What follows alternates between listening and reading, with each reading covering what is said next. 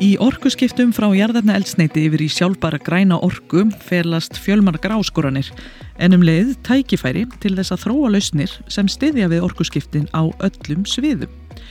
Hér á landi er gróska fyrirtækja sem vinnur að orku og veitutengri nýsköpun og eitt þeirra er Alor, handhafi nýsköpunavelluna Samorku árið 2022 sem vinnur að þróun nýrar tegundar rafhlaðna. Raflöður gegna leki hlutverki í orkuskiptunum. Til þess að geta komið á bytni nýtingu raforku á sem flestum stöðum, á sem flestum tímum og við ólíkar aðstæður verðum við að geta geimt orkuna. Eftirspurnendi raflöðum mun markfaldast á næstu árum en gallin er sá að þær raflöður sem við þekkjum í dag eru ekkert sérstaklega umhverjusvænar. Alor ætla sér að breyta því. Framkvæmda stýra Alor er Linda Fanny Valgistóttir, mentaði lögfræðingur með nýsköpunar blóði í æðum sem nýlega lendi á lista Startup Basecamp yfir konur sem knýja framtíð loftlagsmála í heiminum. Í þætti dagsins ætlum það að kynast henni aðans betur og heyra meira um umhverfri svænu og sjálfbæru rafluðunar sem fyrirtækið vinnur að.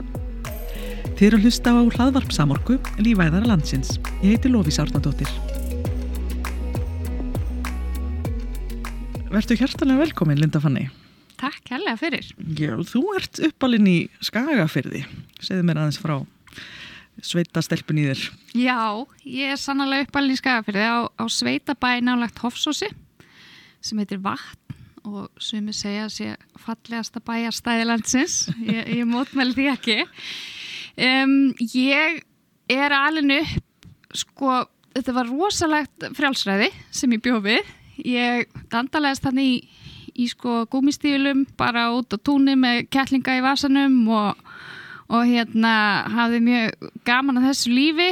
Um, og síðan er ég auðvitað alveg upp í fjölskyldu sem að eru mikið, með mikið frumkvöla blóð í æðum.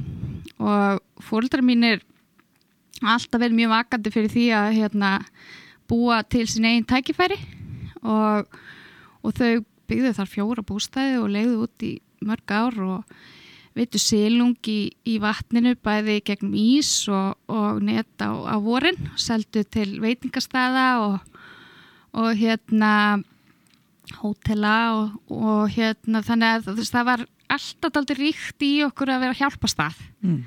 að svona hérna það þurfti bara að klára alls konar verkefni og það var mjög fljótt þannig að við eða ég maður reyndar bara aldrei eftir að við höfum farið í sumarfrí saman sko, já það var alltaf svolítið svona það var verðtíðin, það var sumrin. Mm.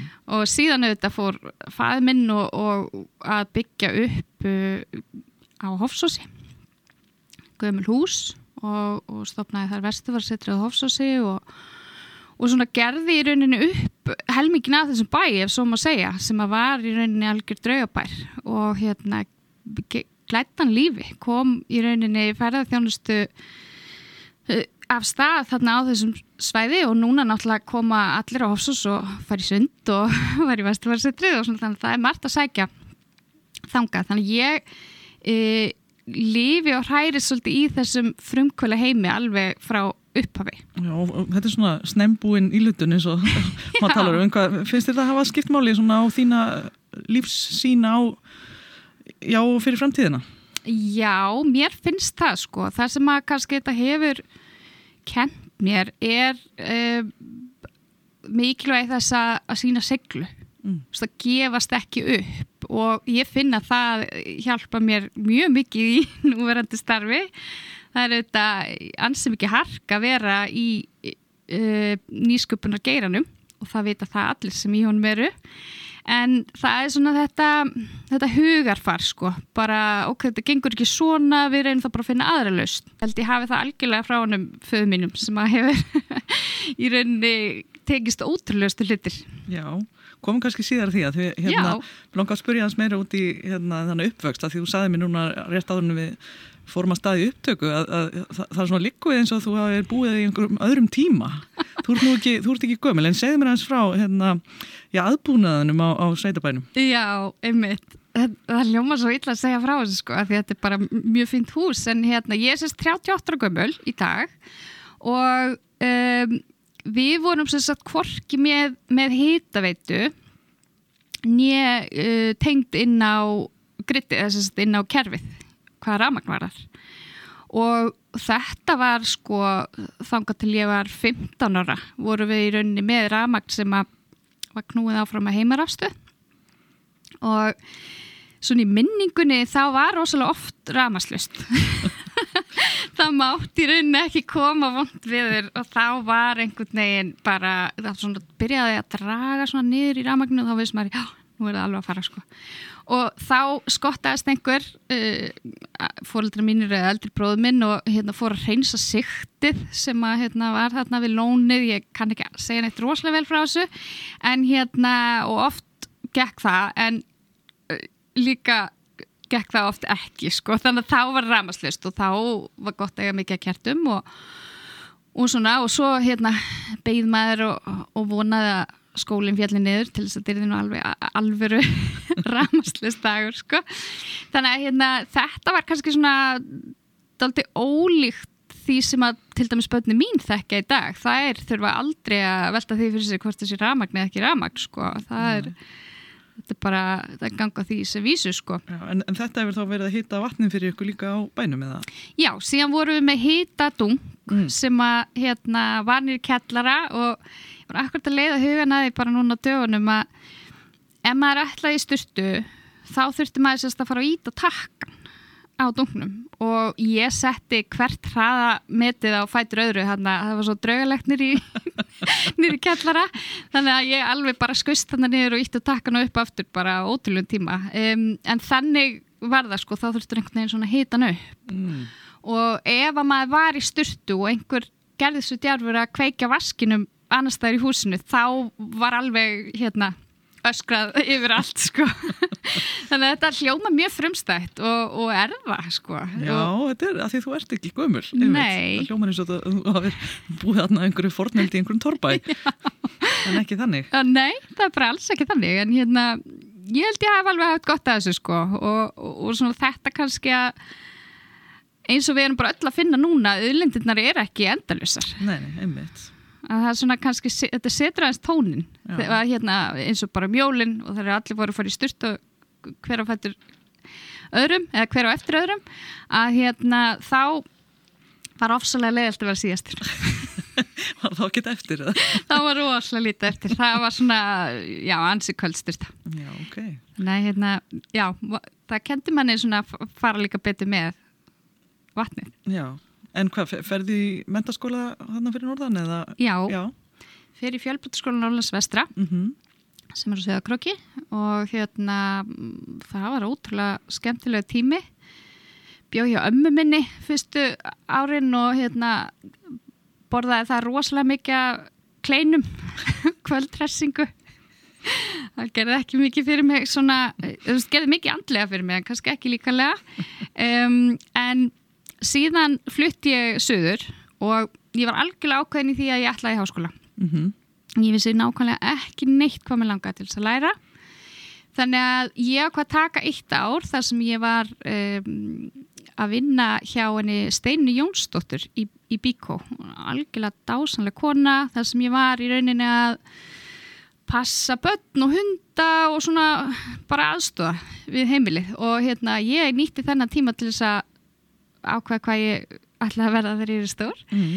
þannig að ég fór í gegnum útilókunaraferina þarna kortur í frest og konstatir nýðustuða að lögfræði væri svona það sem að stæði eftir okay. og bara kilda það og, og var í fimm ár í háskólanum sagt sem lögbundum fimm ár með um, eftir, eða já, uh, B.A. og masterinn og var alltaf að vinna samlega námi á lögumastofum og læriði mikið af því. Og síðan útskriðast ég og, og fór að vinna á lögumastofu sem heitir Atvel og var þær tæp 6 ár.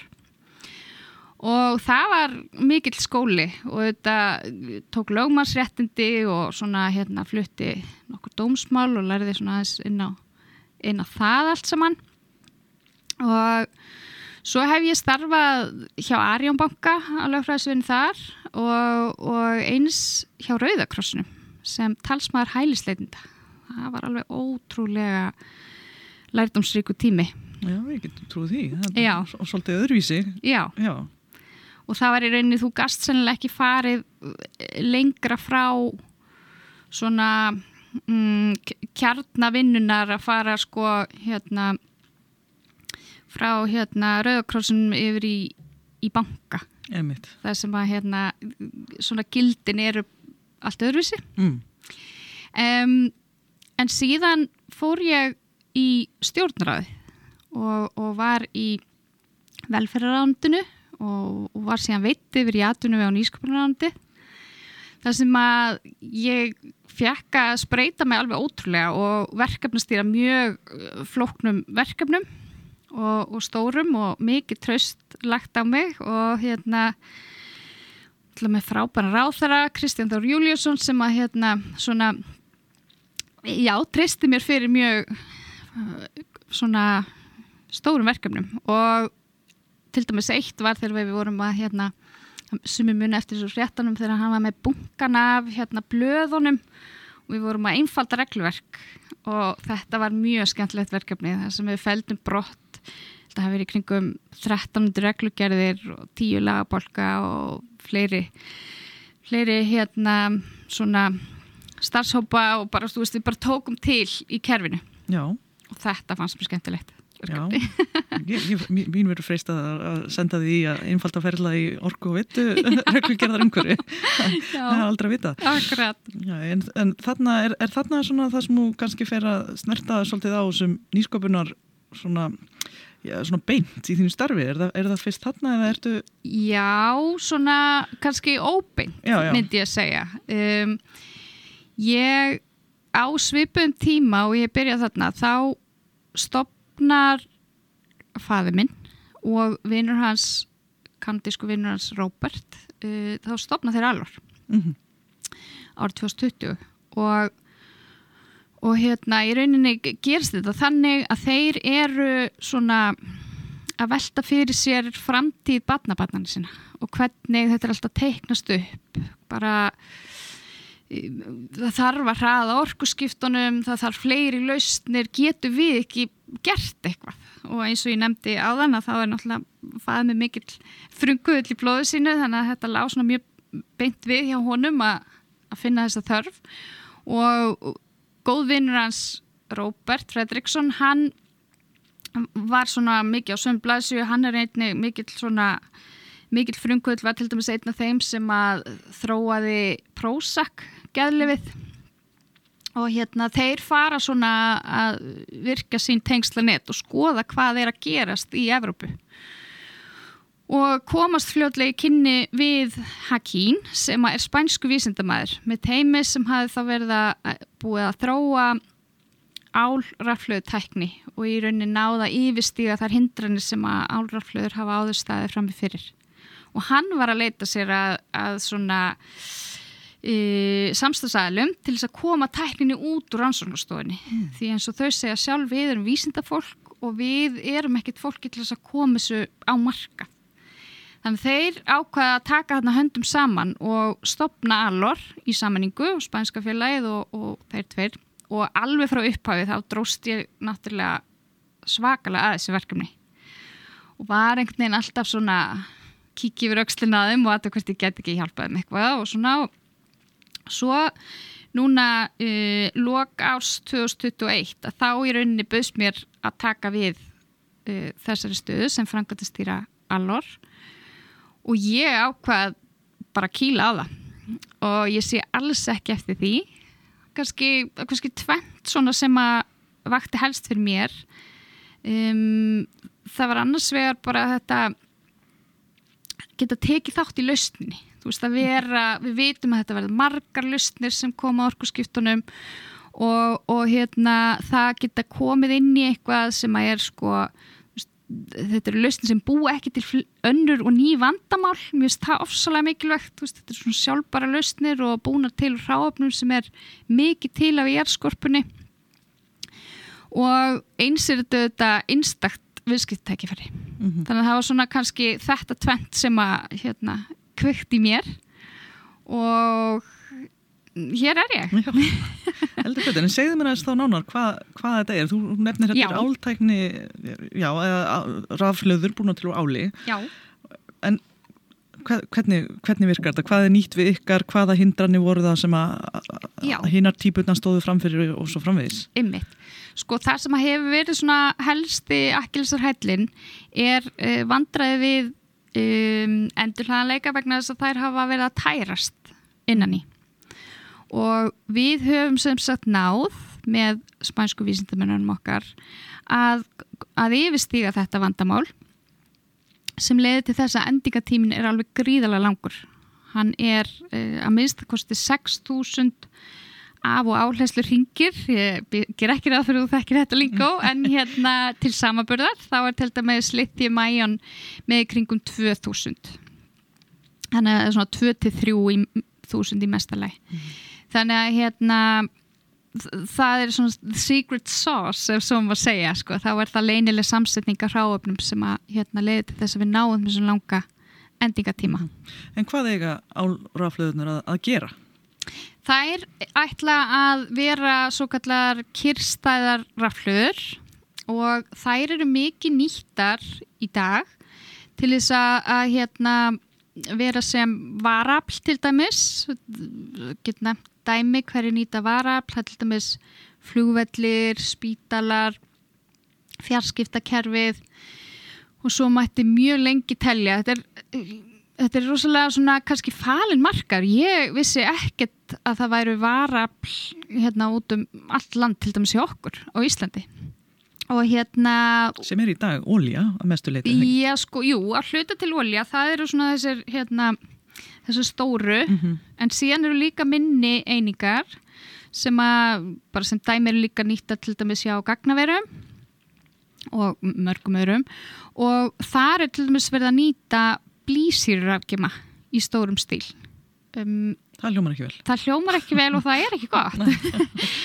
Og ég einmitt fekk tölurinn þann daginn að á, á síðast ári að þá voru flutt inn 3000 tonn af blísýrurafgjumum til Íslands um, Evropasambandi hefur mikla rákjur af, af blísýru og, og blísýrurafgjumum og hafa verið að í rauninni, já það liggur fyrir að það þessi, að blísýra í, í raflögu framlýslu verði bönnuð.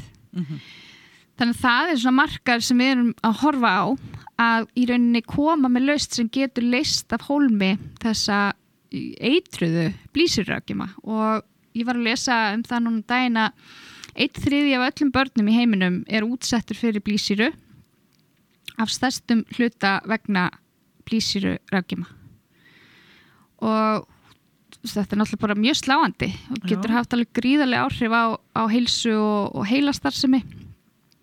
Þannig að hérna við svona við sjáum þetta sem mjög ákjósanlegan markað að koma með vistvæna laust sem í stað þessarar eitruðu lausnar. Já, Og hljómar kannski- aldrei þart verkefni allavega. Já, svona kannski gaman að segja frá því ég hitti menn að spánin daginn sem eru að selja og framlega svona blísýrakjuma og ég uppveðraði stöll, mér varst þetta svo spennandi að fá að tala við á svona beint. Og ég sagði hvað hérna hafið ekki áhyggjur af þú veist hérna þessum umhverfstætti og svona hvað áhrif þetta hefur á fólk og hvernig ætlaði að bregðast við þessu og, og svona fór svona onni þetta og, og allt í einu þá bara kunnið þeir enga ennsku það var ótrúlegt er ekki, ekki gott að svara óþægilegum Nei, spurningum. þetta var ekki, nei, þetta var erfitt sko. Nei. En, en hver, hvar eru þið stött svona í þessu ferli? Já, við erum stödd þar að við erum komið með grænt ljós á að kalla minimum viable product, fyrstu frumgerðin okkar sem að Háskóli Íslands var að prófa. Og það, þær prófanir líta mjög vel út þannig að við erum sagt núna að fara að skala okkur upp. Við erum búin að sína sagt og búin að taka í prófanir kemistriuna uh, svo kallar proof of concept sem kom þar á eftir og svo núna fyrstu frumgerð. Þannig að við erum í rauninni að sína ekki bara erum við búin að þróa kemistriu sem virkar svona vel heldur líka getum við skalað þetta upp í vöru sem að eru þetta líkill í þessu. Því að, því að kemistriðan er þetta einn mjög mikilvægur þáttur en hitt þarf svo að geta fyllt á eftir. Mm -hmm. þannig að við erum stödd þar að, að við erum í rauninni bara að fara að búa til nýjar frumgerðir og besta hérna og stækka e, þær útgáfur og erum að undirbúa fjármögnarferli núna. Mm -hmm. þannig að við hérna finnum alveg gríðarlegan áhuga. Uh, erum að tala við fólk út um allan heim. Kannski meira að tala við alþjóðlega fjárfæsta en innlenda en þó eitthvað hérna á Íslandi. Og bara já, ég heldur sem að horri eftir tíma Já. hvað það var þar Já, þú, það, það, það hafi verið sko, þetta er náttúrulega svolítið skjótur fram í raun og veru miða við að fram, hérna, fyrirtækið stopnar 2020 þannig að ykkur hefur, eins og segi, bara verið mjög vel tekið. Mjög vel tekið, en það má náttúrulega ekki gleyma því að sko uh, rannsóknarvinnan er búin að eiga sér stað síðustu tíu ár. Mm. Þannig að þó að Íslenska félagið sé. Stopna árið 2020 að þá, þá vorum við ekkit bara að byrja að hugsa um þetta þá sko. Mm -hmm.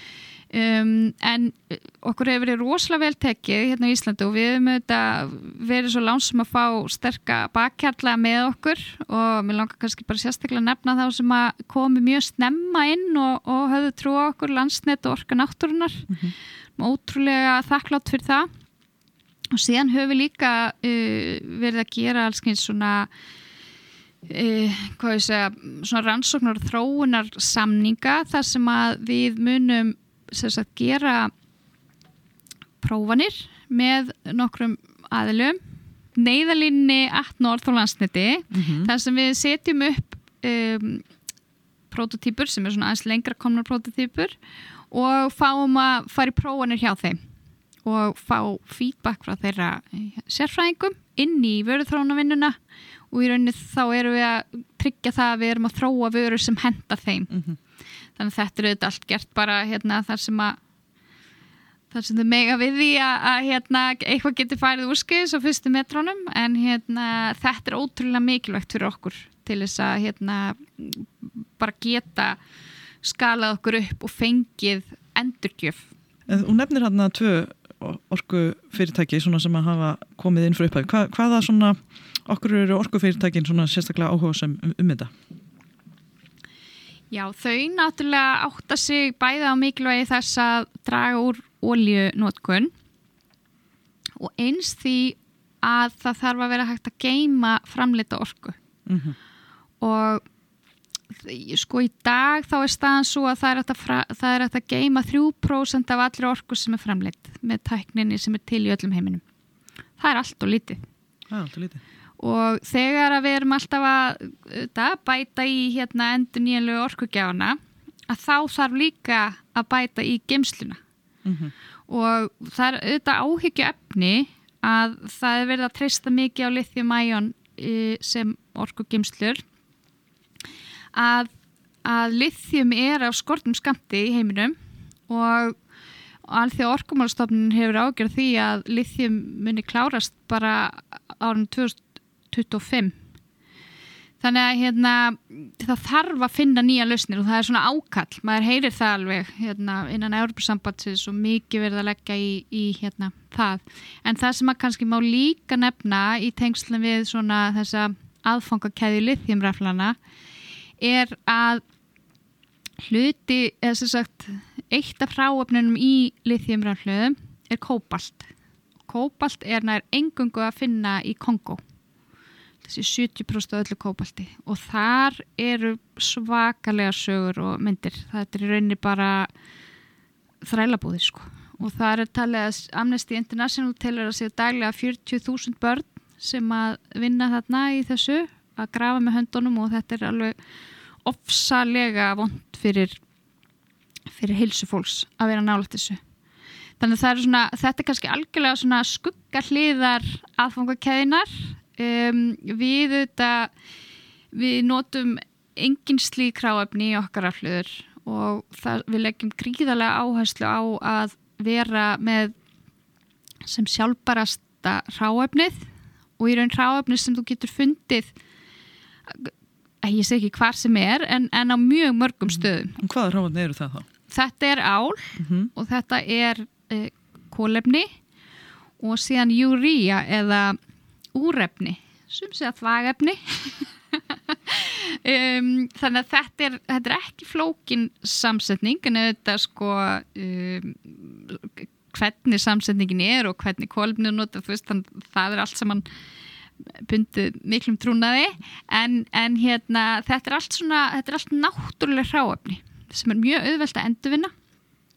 Og svo ég komin á aftur inn á hérna litjum en þá talaðum að, að 5% litjum raflana í heiminum í dag séu endurvinnar.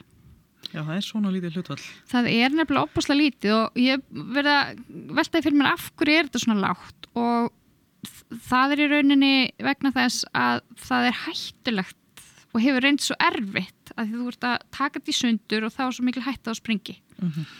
En það eru mörg nýskupuna fyrirtæki að reyna að finna lausnir á þessu en við leggjum mikið upp úr því að vera með laus sem þarf ekki að finna út úr eftir á hvernig á að, að hérna, endurvinna þannig að hérna já eins og ég segi við, við leggjum mikið upp úr sjálfbærum hráöfnum og, og hérna veljum vel hvaðan við kaupum þau mm -hmm.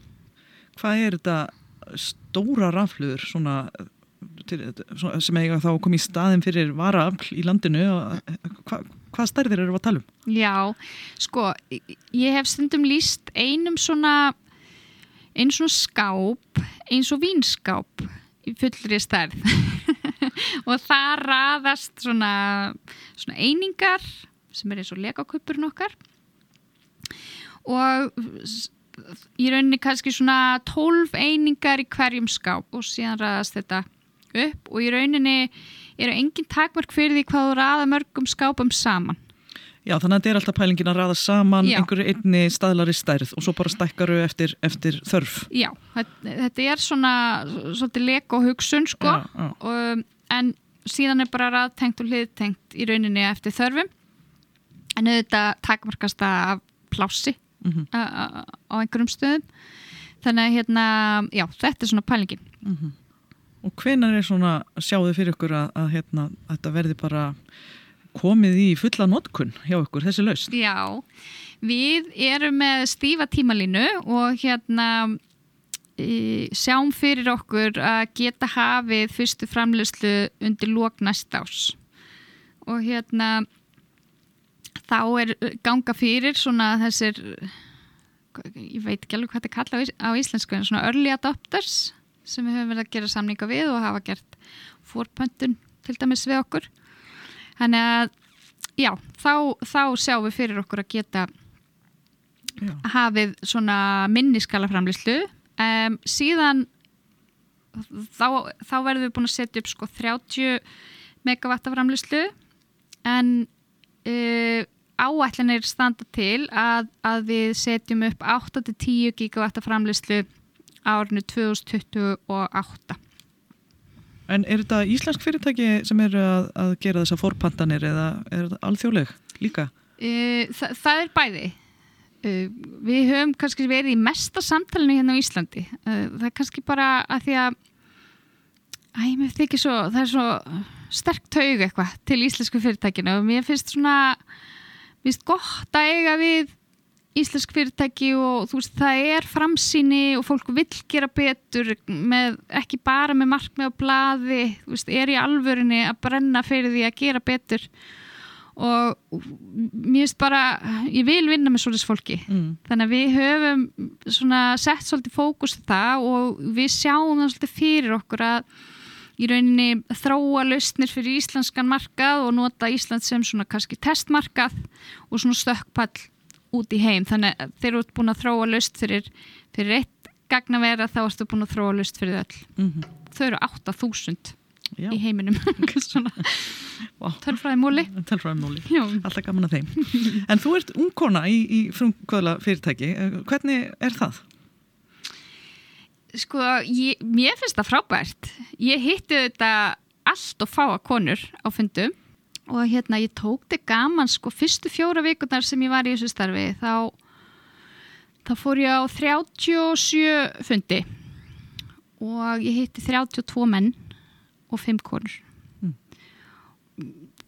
þetta bara sló mig að því að í rauninni þar sem ég verði áður og þá hefur þetta verið miklu jafnara hlutfall Ertu þá að hitta toppana í fyrirtækjunum? Já, þá er þetta kannski frangvandastjórnir, mm. fjármálastjórnir, tæknistjórnir og já, mér finnst þetta, mér finnst það leðilegt sko, mm, en ég finna, mér finnst ekkert finna fyrir þessu sko, Nei. veist, að- nei, nei, en, en svo auðvitað heyrir maður e, og sér þessar sláandi tölur varðandi það hvað konur er að fá sko í, í fjármögnun Mhm. það er svona kringum 1-2% af, af til dæmis svona vísi fjármögnun þetta er náttúrulega bara galið sko Mm.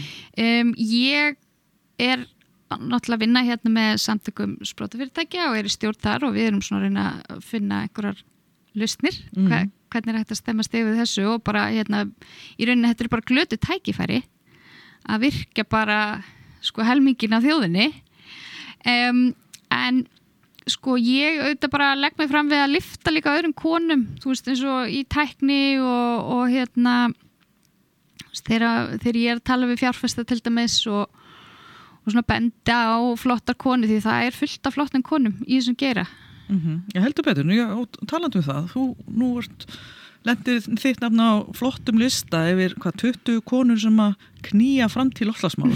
Já, Þetta er ekkert smá, hérna, já, no pressure, ef við veit. orðað þannig. það er eins og að taka segluna alla leið betur, en hve- hvernig er að vera valinn á svona lista? Og, Ég- og hvað, hvaða listi er þetta? Já, einmitt, það, það er góð spurning Uh, Þetta heitir Startup Basecamp þetta fyrirtæki sem að velum með á þennan lista og þau eru rauninni svona að fylgjast mjög grannt með því sem er að gerast í nýsköpunarheiminum og, og hérna og, og búin að taka orkun alveg sérstaklega fyrir núna búið síkastið um, ég, ég get eiginlega ekkert svarað í af hverju ég er á þessum lista en ég hef hitt þá uh, og á Teams bara og sko þetta fundi með mér og greinlega svona ægilega hrifin af okkur. Og, og bara, já, sko hvernig leið mér, ég var bara mjög stolt og mér finnst þetta ótrúlega gaman að því að hérna ma æ, maður heldur maður sé bara svolítið að vasast í sínu og fólk er ekki endilega eitthvað stressa sig á því hvað ég er að gera sko. Það er bara allir að keira sitt prógram sko. Þannig að ég var, var rosa glöð og hérna eins og ég sagði á LinkedIn að þá, þá hlóði þetta mína persónlegu rafluðu Sem er, er álið eða? já, sjálfsögðu. Já, nei, en þetta er náttúrulega viðurkenning lí- líka þá fyrir það sem þið eruð að gera hjá Allor og, og þetta er nú ekki eina viðurkenningin því ef ég kemni líka þá eru þið náttúrulega handhafar nýsköpunarveluna samorku. Við höfum tvisa sinnum veitt slík velun og ætlum að halda því áfram en, en hérna, hvaða gildi höfðu svo leisvelun fyrir ykkur? Það var náttúrulega algjörlega frábært að fá þau og líka svona snemma. Ég, ég var ótrúlega þakklátt fyrir það. Um, við auðvitað fengum þarna tölverða aðdegli og fengum að áarpa salin sem að var fullur af fólki í orku og veitugeranum það sem við hérna, slóum marga flugur í einu höggi fannst mér. Og svona mjög margir sem að hafa einmitt nefnt þetta við mig þegar ég hef hitt þá, þau á fundi og eða svona förnu vegi bara já, heyrðu þið fengu samorkuvelinu að ekki og svona, þú veist, þannig þetta vekur miklu aðtikli og, og hérna og þetta fallegur velunagripur sem við höfum á skrifstofun okkar Já, það ekki? Á besta stað? Já. algjörlega Hvernig hefur svona nýsköpunar umhverfið hérna, virkað fyrir þig? Maður heyri nú sögur um að þetta sé svolítið flókið og, og hérna, erfitt að átta sig á því þegar maður kemur inn í þetta. Hver er svona þín reynsla af því? Já, ég, einmitt, ég kom inn í þetta og ég hugsaði strax, heyrðu, ég þarf að ná utanum þetta mjög hratt. Ég get ekkit verið að, að mæta bara á fimm viðburði á mánuði og svona einhvern veginn að bara veltaði fyrir mig hvernig það virkar, sko. Þannig að ég ákvað strax að hafa samband við nokkurn kvöla sem mér finnst vera að gera mjög flotta hluti og bara bókaði með einn kaffi og síðan bara rakti í orðin gatnindar og fekk þá til þess að segja mér allt. Eða svona. Gegn þeirra vilja. Hljómaði þannig. nei, nei, það voru allir viljur og bara ótrúlegt að allir hafa sagt já. Og þá náði ég svolítið svona heldarmyndinni já, ok, svona virkar þetta. Mm, maður þarf að þekka þennan og þennan, þennan þú veist, og það er svona ákveð ákveðin svona mynd sem að þarf að teiknast upp og ég, mér fannst ég ná að gera það mjög hrætt mm. eða gera þetta svona. Nýsköpna umhverju er einstakt vegna þess að þar eru allir að tengja hvern annan. Og ég vissi bara hreinlega ekki hvað var að gerast þannig í byrjun. Og þetta var eitthvað algjörlega nýtt fyrir mér. Bara já, heyrðu, þú þart að þekka hérna John sem að hérna, ég var eins og í samskipt við hérna hjá World Bank og og hérna hann hefur svo mikið náttúrulega þessu og hann getur hjálpað með þetta og, og síðan allt í hennu bara búið að tengja mann út um allan heim einhverju frábæru fólki sem að maður auðvitað fylgdi eftir og var þannig sko þetta er svona eins og slenguspil sko þá var maður oft komin upp hérna upp uh, tröppurnar svo hratt sko mm, mm. til þess að koma sér áfram og þetta finnst mér algjörlega einstakt og svo ótrúlega fallegt í rauninni við nýsköpunarauðkörður En hvernig er þetta svona þegar maður er framkvæmdastýra í nýskopina fyrirtæki? Átt ekki hugmanns allan? Þetta pínlít eins og eignast þriða batni vegna sem maður leggur algjörlega allt í þetta og, og það er svona svo sérstakt við þennan nýskopinar heim að annarkvort verður þetta sko einn eða þetta verður null og maður vinnur að því öllum eða ræra að því öllum árum að þetta verður þetta einn sko að, hérna, en, en tölfræðin hún er ekki endilega með mann í liði sko því að það er náttúrulega mörg nýsköpunarfyrirtæki sem uh, komast ekki áfram. En við höfum líka lagt upp úr því að umvefja okkur sterku fólki. Og í rauninni ég er með fólk sem ég get bara ringt í og fengi ráð og hérna alls konar hérna uppbakk ef svo maður segja á hennum ótrúlegustu sviðum. Og það hefur verið ákveðin líkil fyrir mig mm. að geta í rauninni bara tósað í talentana alveg hérna. Og, og einhvern veginn er það þannig að það er svona það mikil vilji til þess að hjálpa sem að ég held að sé líka einstaktt vísland Linda Fanni, bara takk hérlega fyrir komuna í, í lífæða landsins, virkilega gaman að spjalla við þig og, og gangi ykkur vel. Kæra takkir